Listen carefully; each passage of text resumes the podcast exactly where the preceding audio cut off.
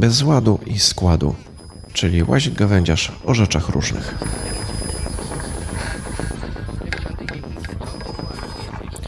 Cześć. Dziś zacznę od tego, że mamy grupę telegramową, w której rozmawiamy na różne tematy. Grupa nazywa się Punkt Słyszenia i cały czas tam zapraszam. Jakby ktoś miał ochotę dołączyć, to będzie mi miło. Albo i nie, zobaczymy, pogadamy. To się zobaczy, czy miło, czy nie miło.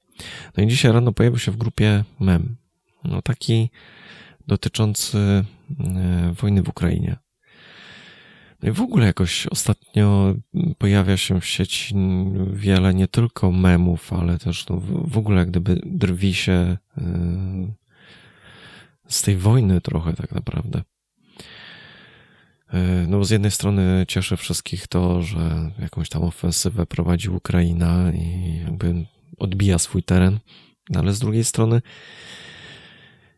trochę wydaje mi się nie na miejscu drwienie z tego, że, no, że giną ludzie.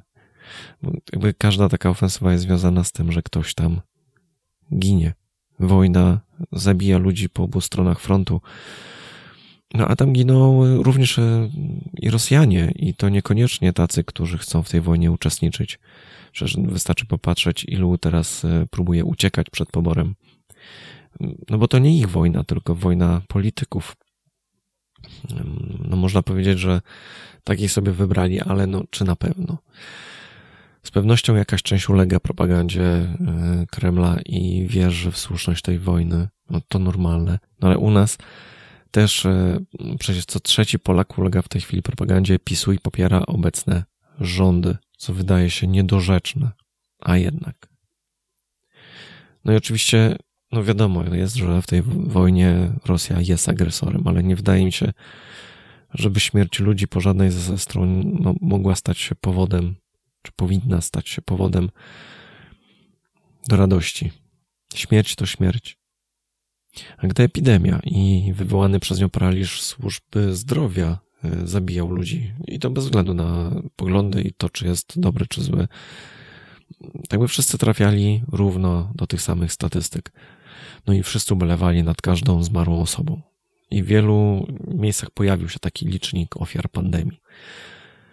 No a gdzie są liczniki wojen prowadzonych przez jakichś opętanych rządzą władzy polityków? rządzą władzę, albo no, nie wiem w sumie czego, czegoś, czego nie potrafię pojąć, po co to robią, poza no, zwykłymi zyskami. No i dlaczego właśnie ta śmierć jednych ma nas cieszyć, a drugich nie? A jeszcze trzeba pomyśleć o tym, że jakby ta śmierć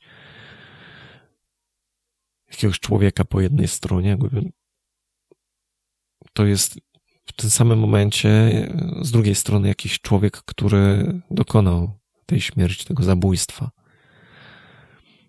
No i moim zdaniem bardzo nie na miejscu jest zdrwienie z tego, że jeden człowiek zabija drugiego.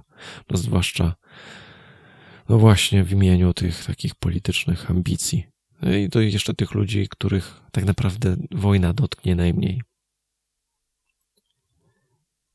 Dajmy się wciągać w to takie medialne nieetyczne y, gierki, no i powinniśmy, myślę, na to uważać i to mocno. A najgorsze jest to, że w tej chwili potępiając zabijanie ludzi, można też stać się persona non grata, tak jak Roger Waters.